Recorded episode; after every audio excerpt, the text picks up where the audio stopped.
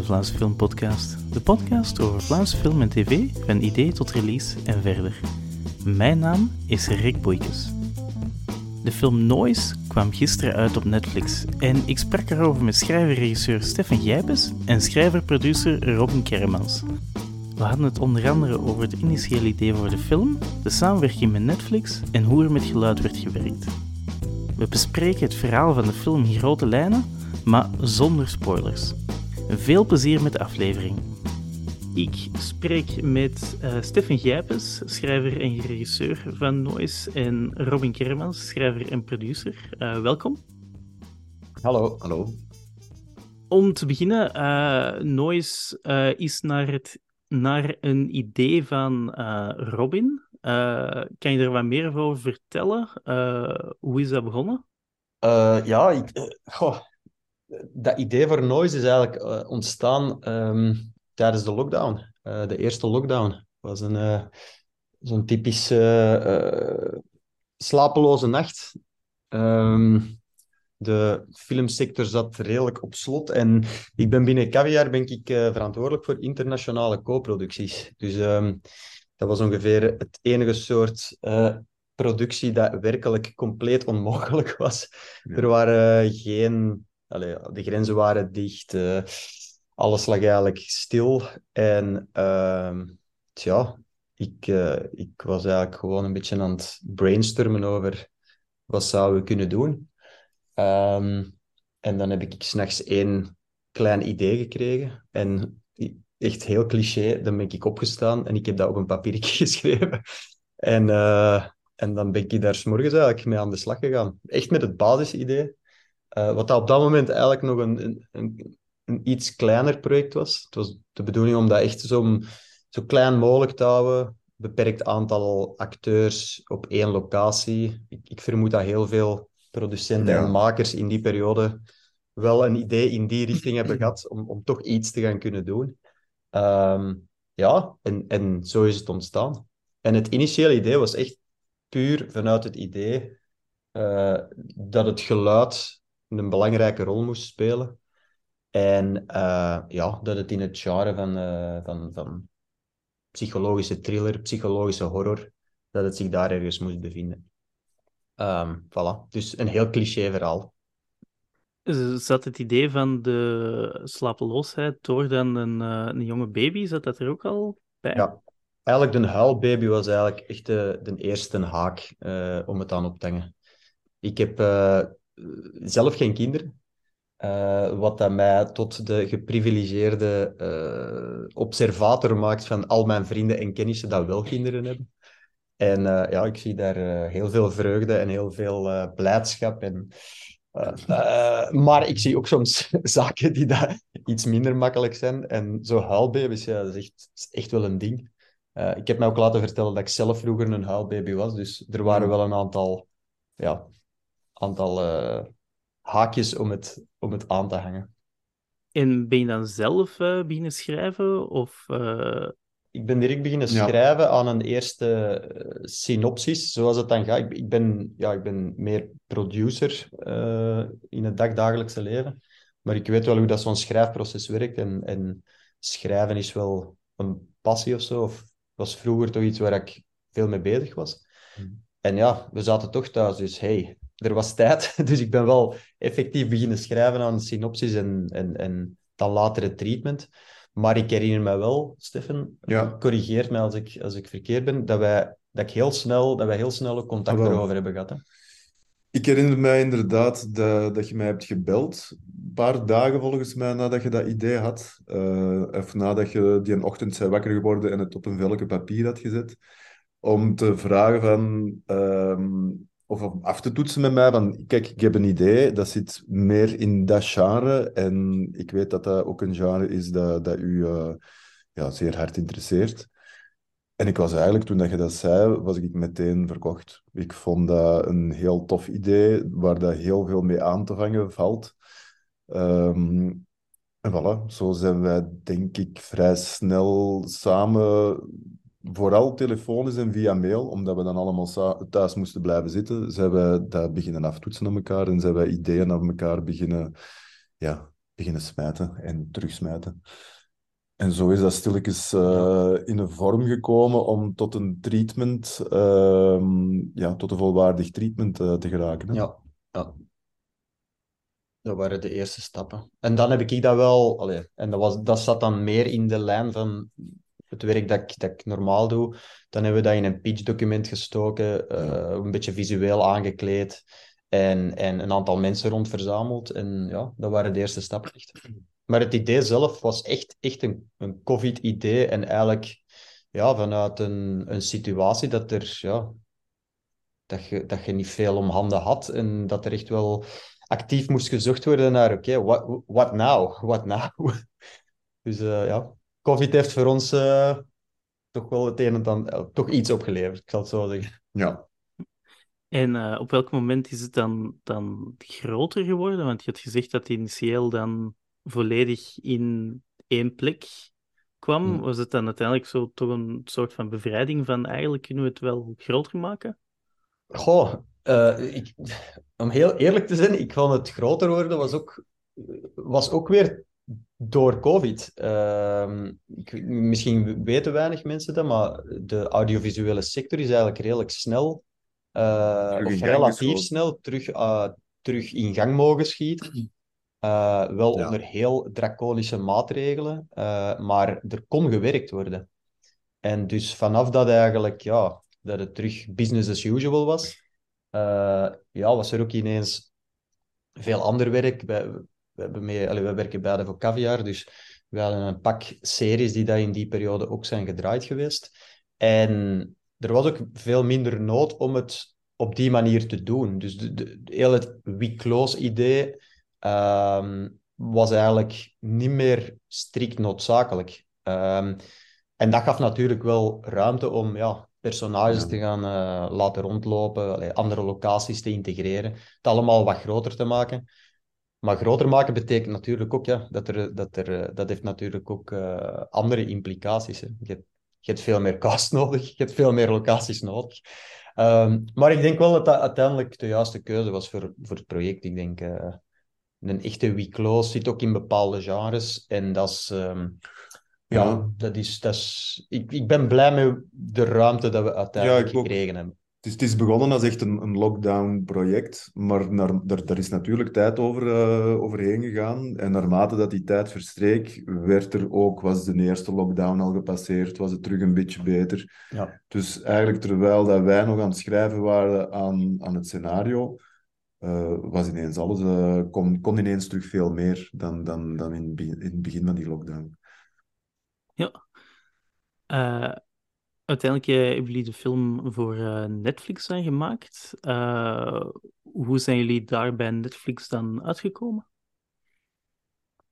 Wel, um, wij werken natuurlijk geregeld samen met Netflix. We hadden met Caviar Net een grote internationale co-productie gedaan. Slag om de Schelde, of The Forgotten Battle een Nederlandse film eigenlijk, maar met een heel groot Belgisch aandeel. Mm -hmm. En een succes, dat mag ik toch wel zeggen. Die heeft in Nederland echt uh, het heel goed gedaan in de, in, de, in de box-office, dus echt in de zalen uitgekomen. En dan geloof ik dat hem in de eerste twee weken naar de nummer één positie is gesprongen uh, van de filmlijst wereldwijd van Netflix. Dus dat was een heel goede samenwerking. En ja, er zijn dus wel relaties die dat je dan kunt uh, benaderen en aanspreken. En het pitchen van projecten is natuurlijk iets dat, dat, ja, dat je als producent voortdurend doet. En dat is... Uh, en Netflix is daar denk ik echt een goede partner in geweest dat in het verleden. En ja, nu is... Dus dat was eigenlijk een hele, een hele kleine stap um, om naar daar te gaan. Ja. Uh, hoe verliep de casting juist? Hadden jullie al bepaalde namen in gedachten tijdens het schrijven? Ja. Misschien tijdens het schrijven, ja, tijdens het schrijven. Je, je probeert altijd wel casts bij elkaar te krijgen die, die, die, waarvan dat je weet, oké, daar, daar kunnen we ook de film mee gemaakt krijgen. Uh, en je wilt ook dat dat de beste mogelijke acteurs zijn voor die bepaalde rollen.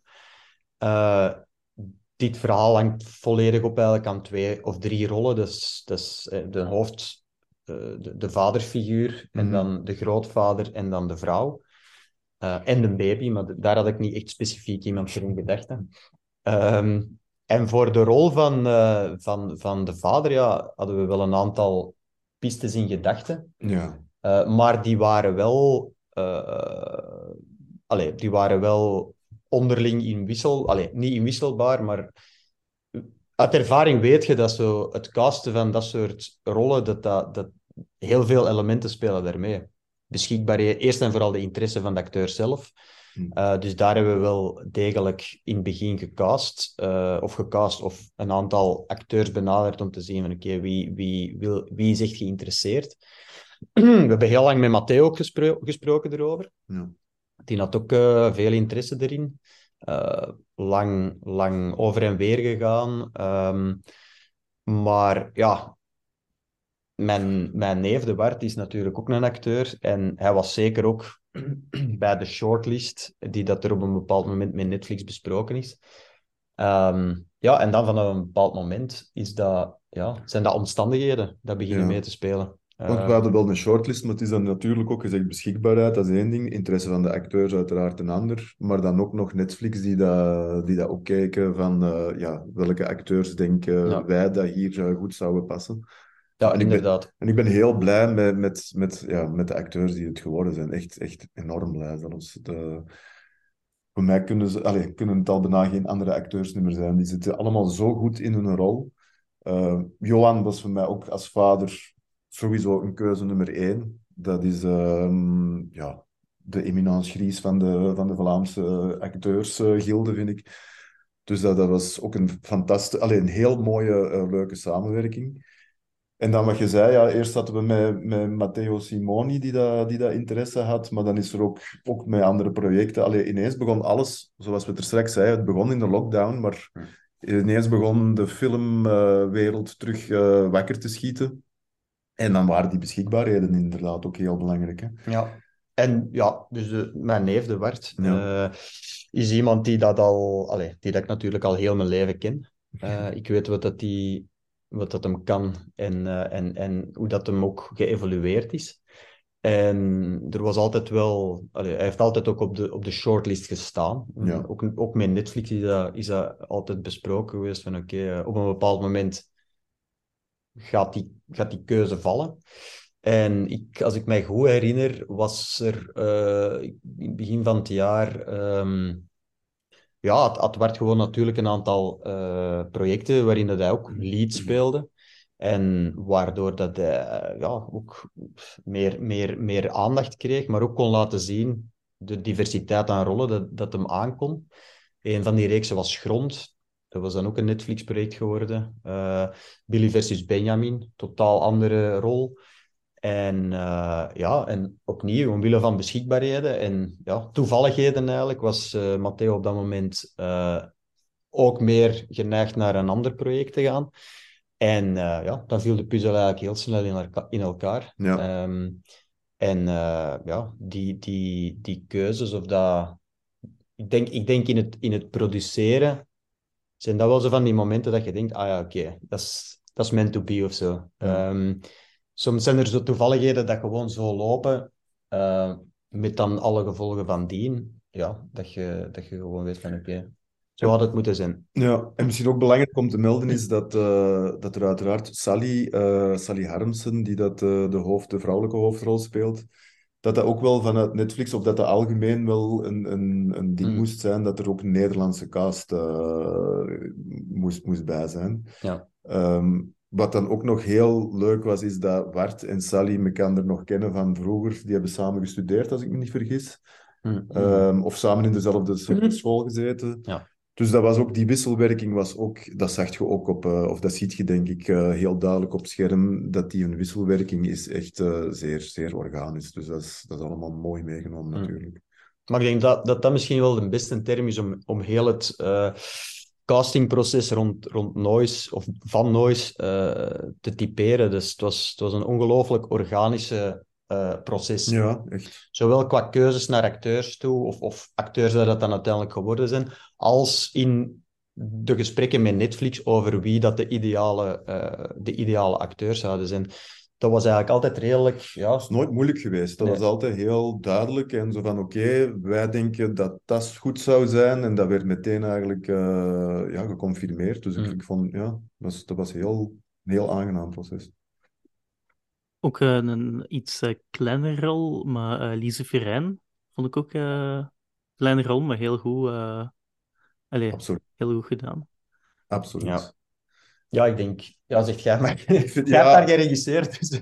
Ja, nee, het is ook... Allee, we waren echt op zoek. Ze speelt dan de moeder van Bart ehm, in het verleden. Ze zegt in heel de film geen woord. Maar het is, ik vind het fenomenaal hoe dat ze eigenlijk zonder één woord te zeggen zoveel presence en zoveel impact heeft eh, op het scherm en ook voor de film. En het is ook zoals gezegd, het is niet de grootste rol, maar het is wel een rol die dat je niet snel zult vergeten, denk ik, als je de film hebt gezien. Ja. En dan ook eh één scène, eh Daphne Welles, vond ik ook. Ja, ja. Eh, ja, zeg maar. Nee, misschien zegt jij maar wat, wat, wat, je van die scène vond, want... Of- ik, ja, ik vind als, als zij, zij komt er dan bij als, als vriendin van Liv, die dan Klopt, ja. Wat ik interessant vind aan die scène is dat die, die komt even als, als buitenstaander en die komt even confirmeren van ja, het is, het is niet zo makkelijk om een, eh, een jonge baby te hebben. En, en ja, ik vond dat wel heel, heel schoon om er even dat, dat puntje erin te steken. Ja, Ik, vind, ik denk misschien ook even over, over Daphne, eh haar casting. Eh, er zijn heel veel lijntjes bij de cast. Eh, Daphne is ook een, een, een jaargenote van Wart in Maastricht. Dus op, op een of andere toevallige manier ben ik ook naar, ehm, naar hun afstudeerproject ooit geweest, tien jaar geleden of zo. En daar speelde Daphne dus ook met Wart in dat toneelstuk. Ehm, dus, eh, en, en Daphne speelt ook in een reeks van, van, van Caviar mee. Dus zij komt zo eh, geregeld ineens het leven binnengewandeld. En ik vind haar ook een fantastische actrice. Dus ik had echt zoiets van, oké, ze het zou wel echt fantastisch zijn als zij ook een klein rolletje wil spelen. Ik weet dat dat soms niet eenvoudig is om actrices in zo'n kleine rol te casten, maar het, wat, dat wat dat je zegt is, is, is heel eh, terecht. Ze heeft echt, echt wel een, een key een key zin eigenlijk bijna in, in de film. eh, dat bijna het thema van, van heel de film samen. ja. En ze Eh, doet dat op en ook de problematiek en het Ja. taboe dat er rond heerst. En ze doet dat dan natuurlijk op haar typische eh, manier. Maar eh, ja, Maar het is, ja, voilà, het is, het is, het is, een, het is een zwaar onderwerp. Hè. Het is iets dat echt wel impact kan hebben op jonge ouders. En zij verpakt dat echt in een mooie humoristische, ja, in een humoristische toon. Ehm, die dat inderdaad heel duidelijk eh, het probleem stelt. En het is ook ongeveer in het midden van de film. Eh, het is echt een mooi scharniermoment eh, in de film dat zij eigenlijk, ja, waar dat zij een belangrijke rol in vervult. En dan eh, de baby zelf. Ik zag op de afdeling vier verschillende baby's, klopt dat? Ah, goed opgemerkt. Ho- hopelijk is dat niet... Heb je dat niet opgemerkt tijdens ik heb het tijdens de film niet opgemerkt, nee.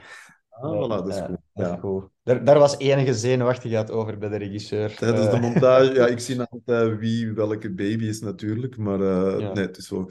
Nee, het zijn verschillende, uiteraard. Je kunt niet eh, een, een filmopname doen waar dat de baby toch een vrij prominente rol speelt met één baby. Ehm, als hij niet meewerkt eh, op set, ja, dan, dan kunnen we niet uren wachten eh, totdat de baby eh, wil meedoen als hij ziek valt. Allee, er zijn zoveel factoren die dat ervoor zorgen dat we verschillende baby's ehm ja, stand-by moesten hebben eigenlijk. Hè.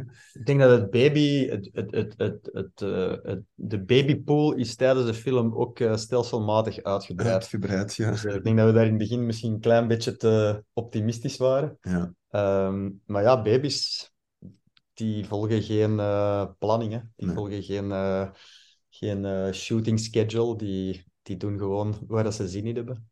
En eh, dat was wel een, eh, een uitdaging, maar, ook, maar ook heel mooi, denk ik. Hè? Want Nu, er dit- zijn toch wel ja. momenten geweest, en misschien kun jij dat beter vertellen, ja, waar dat die baby's echt wel alleen dat zie je hopelijk ook in de film, echt wel ja, een extra. Ja, ja, absoluut. Want het is eigenlijk, ik denk, het is wel zo dat uh, George is, is de, de hoofdbaby, als ik ja. de naam uh, ja, zeker niet uh, mis ben. Maar die, die komt wel 60, 70 procent van de, van de tijd in beeld. Dus het is, dat is eigenlijk, laten we zeggen, de hoofdrolbaby. en dat is een ongelooflijk schattige baby. Dat is, dat is niet te schatten. Dus ik vind ook dat je dat in het begin, in het begin van de film uh, zit hem echt op bepaalde, in bepaalde stukken er zo in dat je denk ik niet anders dan, dan sympathie kunt hebben uh, voor dat lief babytje. Dat dan later wel in de film, en naarmate dat de film vordert, uh, meer en meer begint te huilen en zijn ouders ja, tot, tot wanhoop begint te drijven. Dus die, die tegenstelling zit er ook wel mooi in, denk ik. Um, door die baby, uh, ja, we hadden het geluk om zo'n schattige baby te hebben, dus dan was dat ook weer uh, in de montage snel die, opgelost. Die andere baby's zijn ook schattig. Die zijn ook... toch... Ja, ja, even... Het zijn allemaal schattige baby's. Het waren allemaal fantastisch schattige baby's. Er, er is geen onderscheid qua schattigheid tussen de baby's. En dat zie je ook fantastisch in de film, want ja, je kunt het verschil eigenlijk niet merken. Nee, nee. Maar het is wel een heel... Uh, ja, het, het was wel een element ik kan u zeggen, dat is, dat is een element waar je bij het schrijven of het bedenken absoluut geen rekening mee houdt, wat dat uh, in de praktijk uh, op de set gaat teweegbrengen. Dat zeggen ze altijd, hè. werk nooit met baby's. Allee, dat zijn zo een van die regels in, de, in het uh, filmen van, wat zijn het, dieren, baby's en vooral... Allee. En, wat? Boten, denk ik. beste baby's en boten, had ik altijd gehoord. Ah, wel, voilà. Dus wij hebben, ja, met die baby, maar ik vond dat eigenlijk, dat is enorm goed meegevallen. Enorm goed. Dus, uh, voilà. Ja. Uh, hadden jullie bepaalde invloeden uh, dat jullie hebben meegepakt? Ik, ik zag een beetje Sam Raimi erin, soms. Oké. Ik weet niet of dat specifiek was. Dus, uh, maar dat is niet echt bewust, bewust gedaan. Als zijn baby, uh, ja, ik ben een grote fan van zijn films. Zeker van zijn beginfilms. Um, ik denk, wat voor mij tijdens het schrijven, toen dat we echt aan het schrijven waren, de film waar dat ik toch vaak, uh, of die dat ik vaak heb uh, herbekeken, uh, is Repulsion van, van Roman Polanski. waar dat we Catherine Deneuve eigenlijk ja, doorheen de film zien verzinken um, naar een toestand die, ja, die dat haar dingen doet doen en zien die dat niet, niet oké zijn. Um, ja, dat is voor, mij wel was dat een van de, uh, van de invloeden die ik heb meegenomen. Mm. Ik herinner me nog een waar we het over gehad hebben toen. A Most Violent Year. Uh, dat is vooral voor de look, inderdaad. Ja. De, de, en dat was, uh, die kwam van, uh, van Anton Mertens, van een DOP. Um, we zochten ook een, ja, een soort look die dan niet te grauw en donker was. Um, we wouden echt, en dat is ook, Robin, dat was, dat was eigenlijk ook altijd een van uw beginideeën van het moet, we willen, je zou heel graag draaien in de lente, in de zomer. Mm dat we echt wel beginnen met een, met een, en dat we een zonnig palet hebben. Mm. En dat, dat, dat zie je ook in de film. Dat het, het, is, het is echt, het begint zeer, zeer zonnig allemaal. En dat blijft zeer lang ook aan. En um, in A Most Violent Year was, uh, ja, zag Anton ook zo dat, dat kleurenpalet dat met veel geel werkt. Uh, dat, dat wel misschien geschikt zou kunnen zijn voor deze film. En dat, dat is ook zo gebleken. Ik, uh, ik vond ook wel, je, je had het uh, geluid vermeld, dat dat belangrijk was. Ja. Uh, er zit ook heel veel van die heel subjectieve shots in, dat we dan eigenlijk in de point of view van, van Matt zitten. Er zit één bepaald shot in waar hij, je, je hebt hem dan zien wandelen naar de kamer van, van de baby. En er zit één bepaald shot in, dat denk ik dat het, de gang volledig veel groter is dan ervoor. Klopt, ja is dat dan ook gewoon uh, volledig cameratruc of een nieuwe gang gebouwd? Uh, dat, is, dat is een visual effect shot geworden. Ja, dus dat is eigenlijk met, en, en ook uh, een samenwerking tussen DOP en, en, en visual effect supervisor om ook met licht andere lenzen te gebruiken. eh, ja, verschillende plates, waardoor dat we diezelfde gang ineens veel groter hebben doen kunnen laten lijken. Ehm, ook als hem dan bijvoorbeeld in de babykamer terechtkomt, maar dan, dan zijn we al wel wat dingen aan het uh, verklappen. Niet te veel spoilen. Ja. maar het is inderdaad iets wat je zegt, uh, het, het, is zijn point of view. Uh, en, en ja, dus, dus er, je komt ineens in een vervormde werkelijkheid terecht. Ik denk dat we naarmate dat de film vordert, en, en dat was ook iets dat we van in het begin hadden eigenlijk established, van uh, ja, we willen echt heel lief beginnen, zonnig kleurenpalet, het is lente, we gaan sowieso op zoek gaan naar iets in de Kempen, iets in uh, Limburg, uh, waar dat je echt met die, groen, met die groenpaletten kunt spelen. uiteindelijk is het dan Zems geworden, redelijk dicht bij Mechelen, dus dat kwam heel goed uit voor ons. Um, maar het was wel de bedoeling om die dan naarmate dat de film vordert, ja, kruipt er meer en meer in het hoofd van het personage. En zie je ook wel, denk ik, in de, in de, de shotkeuze, maar ook in het kleurenpalet en de, de benauwdheid, denk ik, uh, dat, die, dat die gradueel toeneemt. En, en dat typeert, allee, dat is toch tenminste de, de, de bedoeling geweest. Ja. Uh, dat is eigenlijk het, het, idee achter heel de film. Het is wel een beetje een slow descent. Uh, ja. En ja, dat vergt natuurlijk van de kijker ook wel iets. Um, dus ik denk niet dat het... Het is niet per se een hele gemakkelijke film, maar het is, ik denk wel dat het een uh, rewarding film is. Um, en uh, ja, en ik, ik denk ook dat Netflix uh, daarmee toont dat ze, ja, dat ze ook toch wel nog altijd openstaan voor, uh, voor, wat, voor wat gewaagdere projecten. Als je ja. kijkt naar de thematiek en de vormgeving en zo, allee, daar zitten toch wel een paar gewaagde keuzes in. En dan alles qua geluid, dat is dan ook volledig postproductie, neem ik aan?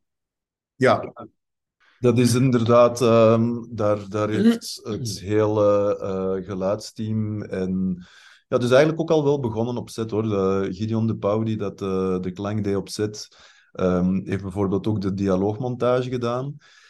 En die had ook heel veel van zijn eigen dochter, heel veel opnames van vroeger als babytje. Maar un unrelated, hè? Ja, ja. Dus die, die, die had gewoon in zijn vrije tijd, waarschijnlijk... Al een paar hem, jaar geleden, hè? Omdat hem toch wakker was, uh, ja. zijn dochter beginnen uh, opnemen. Dus naarmate de film vordert, zult je ook meer en meer zijn dochter uh, als baby in de film horen. Ja. Um, maar dat was eigenlijk pas iets dat hem in de postproductie heeft... Uh, ja, nee, nee, heeft hij, nee, heeft hij mij al gezegd tijdens opnames. Of ah, zelfs ja, ervoor ja. al. Zo, toen, toen, toen de eerste gesprekken met, met Gideon zijn van zeg, ik, toen had hij dat mij al via WhatsApp gestuurd van uh, misschien is dit ook nog wel bruikbaar later. Ah, en dat is ook zo gebleken. Um, ja, en dan, dan heeft uh, Thomas Vertongen, die, dat, die dat, uh, de, het geluid heeft gesuperviseerd in de post, um, ja, een heel, heel chique job gedaan, vind ik. Waar dat je ja, het is noise. Hè. De film noemt noise. Dus uh, het moet wel echt uh, een groot, uh, een belangrijk punt vormen. En ja, ik, ik vind dat we er heel mooi mee hebben gespeeld. dat het echt, dat je meer en meer in het hoofd van de personages, in de hoofden van de personages terechtkomt. en dat dat eigenlijk ook door het geluid of met de geluidsband, dat dat daarmee extra, ja, mee een, een verhaal, een extra verhaal wordt verteld. Um, dus, en dat in combinatie met de muziek met, van Hannes de Maier, die dat, ja, dat ook heel mooi, een heel mooie wisselwerking is met die sounddesign. Hmm. Uh, ja, ben... het, was, het was ook letterlijk een wisselwerking ja. in, in, in, in de mix. Het was echt... Uh, het, was, het moest echt wel allemaal in elkaar over, ja. over allez, versmelten eigenlijk. Ja. Zonder dat het een potpourri werd. Want ik denk dat dat ook wel een beetje de, de uitdaging was op een bepaald moment. Als zoveel nadruk licht op nooit ja. en, en muziek. Je moet opletten dat je niet, niet te snel eigenlijk te, te extreem moet gaan. Dus dat dat eigenlijk mooi geleidelijk gaat totdat je richting die finale van de film terechtkomt. En niet dat je voor die finale eigenlijk al heel je arsenaal hebt opgebruikt. En ik denk dat, dat die, die subtiliteit in het geluid zit er, zit er wel heel mooi in, is heel, heel geslaagd. Volgens mij. Ik denk ook, dat, dat, is, dat is misschien een, een, een, een puntje. Allee, is waar, ik eigenlijk pas, waar we onlangs nog over hebben, hebben gesproken. Um, Noise, ik bedoel, dat project had al heel snel die titel en was eigenlijk ook een van de uitgangspunten van de mechaniek achter de film. de klank, het geluid, dat dat bijna een personage op zich wordt en dat er heel veel effecten ook gestuurd worden door, die, door dat geluid. Nu, zoals filmmakers weten, uh, misschien de luisteraars niet allemaal, maar dat, dat is echt een job dat gebeurt helemaal op het einde van het traject in de postproductie. Um, en ja, dat is toch wel een beetje spannend om te zien of dat, die, dat idee dat je helemaal in het begin hebt gehad, hm, dat dat zich ook zo materialiseert op het einde. Met andere woorden, of dat je die effecten waarvan dat je denkt, oké, daar willen we naartoe, dat je die ook, uh, ja, dat dat lukt. Um, en dat is helemaal op het einde van een traject. Dus dat is wel, uh, dat is toch wel spannend. Ja. Dat was, ik vond dat spannend. Stefan is nogal een coole gast, je ziet dat. dat nee, nee, dat, uh, voor mij was dat iets, misschien iets minder spannend, doordat ik al, al vrij lang ja, voor, hiervoor heb. Ik heb altijd, ik ben postproductiesupervisor uh, op films. Dus dat proces was, was misschien iets wat, wat, ik al, ja, wat ik al vaak heb meegemaakt. Dus ik wist ook wat er mogelijk was. Ik had ook, ook met de mensen uh, die dan nu, uh, met Thomas heb ik al vaak samengewerkt in het verleden. Um, dus daar hadden wij op voorhand ook al goed, goed mm. over gesproken. En, en het blijft natuurlijk spannend, want er zijn veel ideeën die dat ook gesneuveld zijn, omdat ze dan toch niet komen. Maar ik denk wel dat het, het merendeel van wat we wouden doen, um, is ook mm. gelukt. Mm. Ja. ja, dat is waar. De film komt uh, als we. Nu doen we dit interview uh, voordat de film uitkomt. Uh, het interview wordt gepubliceerd op zaterdag als de film al uit is op, op Netflix. komt hem ook nog in de zalen? Nee. Dat is. ja. Dat is een heel simpel antwoord. Ja. dat is, het, is, het is een echte Netflix original. En als ik echt zeg, dan bedoel ik ja, het is echt uh, de eerste hoofdzakelijk Vlaams. Het is een Belgisch-Nederlandse productie. Het is, ze noemen het zelf hun eerste Belgische Netflix original. En uh, die zal in 190 landen tegelijkertijd op de streamer te bekijken zijn. Maar dus jammer genoeg niet in de zaal. Uh, maar om eerlijk te zijn... wereldwijd uitkomen is niet slecht. Wij kunnen daarmee leven. Ja. En je zegt dan dat hij in veel landen uitkomt. Is er dan ook uh, dubbing uh, in die landen? Dus we hebben de film al vrij vroeg moeten leveren. En de reden daarvoor was uh, dat ze het inderdaad nog moesten vertalen in, voor, voor de ondertiteling dan vooral. Hmm. Maar er zijn ook bepaalde landen waar dat hij dus gedubt wordt. Ja. Dat dan, aangezien dat geluid zo belangrijk was, dacht ik daaraan.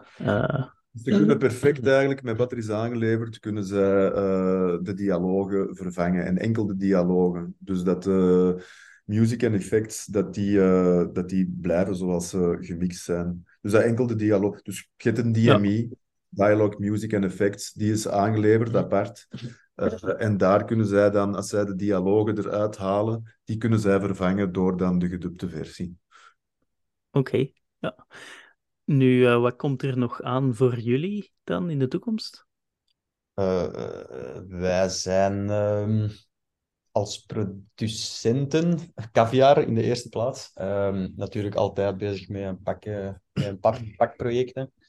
Um, ja, als creatieve zijn er ideeën en, en die gesprekken zijn wel bezig, maar daar is zeker geen uh, haast bij of zo. Of, nee of, eh, of, of, of uh, iets dat echt al concreet is. Um... Er zijn verschillende ideeën uh, ja. waar dat wij in de nu na, allez, want tot, tot deze vrijdag hebben wij echt natuurlijk ons volledig moeten concentreren op noise.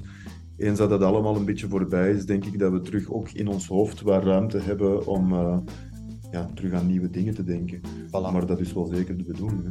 Dat is zeker de bedoeling. Maar omdat wij ook voldoende uh, ervaring ondertussen hebben, weten wij ook dat zo'n zaak, uh, ja, dat is, dat, daar, ga, daar, gaat tijd over. Ja. En uh, dat is ook altijd gecombineerd met andere projecten waar we sowieso al aan het werken zijn, die, ja. dat, ja, die dat al in de pipeline zitten. Dus ehm, wij weten ons zeker bezig te houden. Oké, okay. en veel succes daarmee. Ik spreek met Stefan Gijpes en Robin Kremens van Noise. Uh, dankjewel. Dank, Dank u. Dankjewel. De vorige aflevering van de podcast kunnen we luisteren via Apple Podcast, Spotify of de website vlaamsefilmpodcast.wordpress.com. Deze podcast wordt gemaakt door Rick Boeikes. Dat ben ik. Bedankt voor het luisteren en tot de volgende aflevering.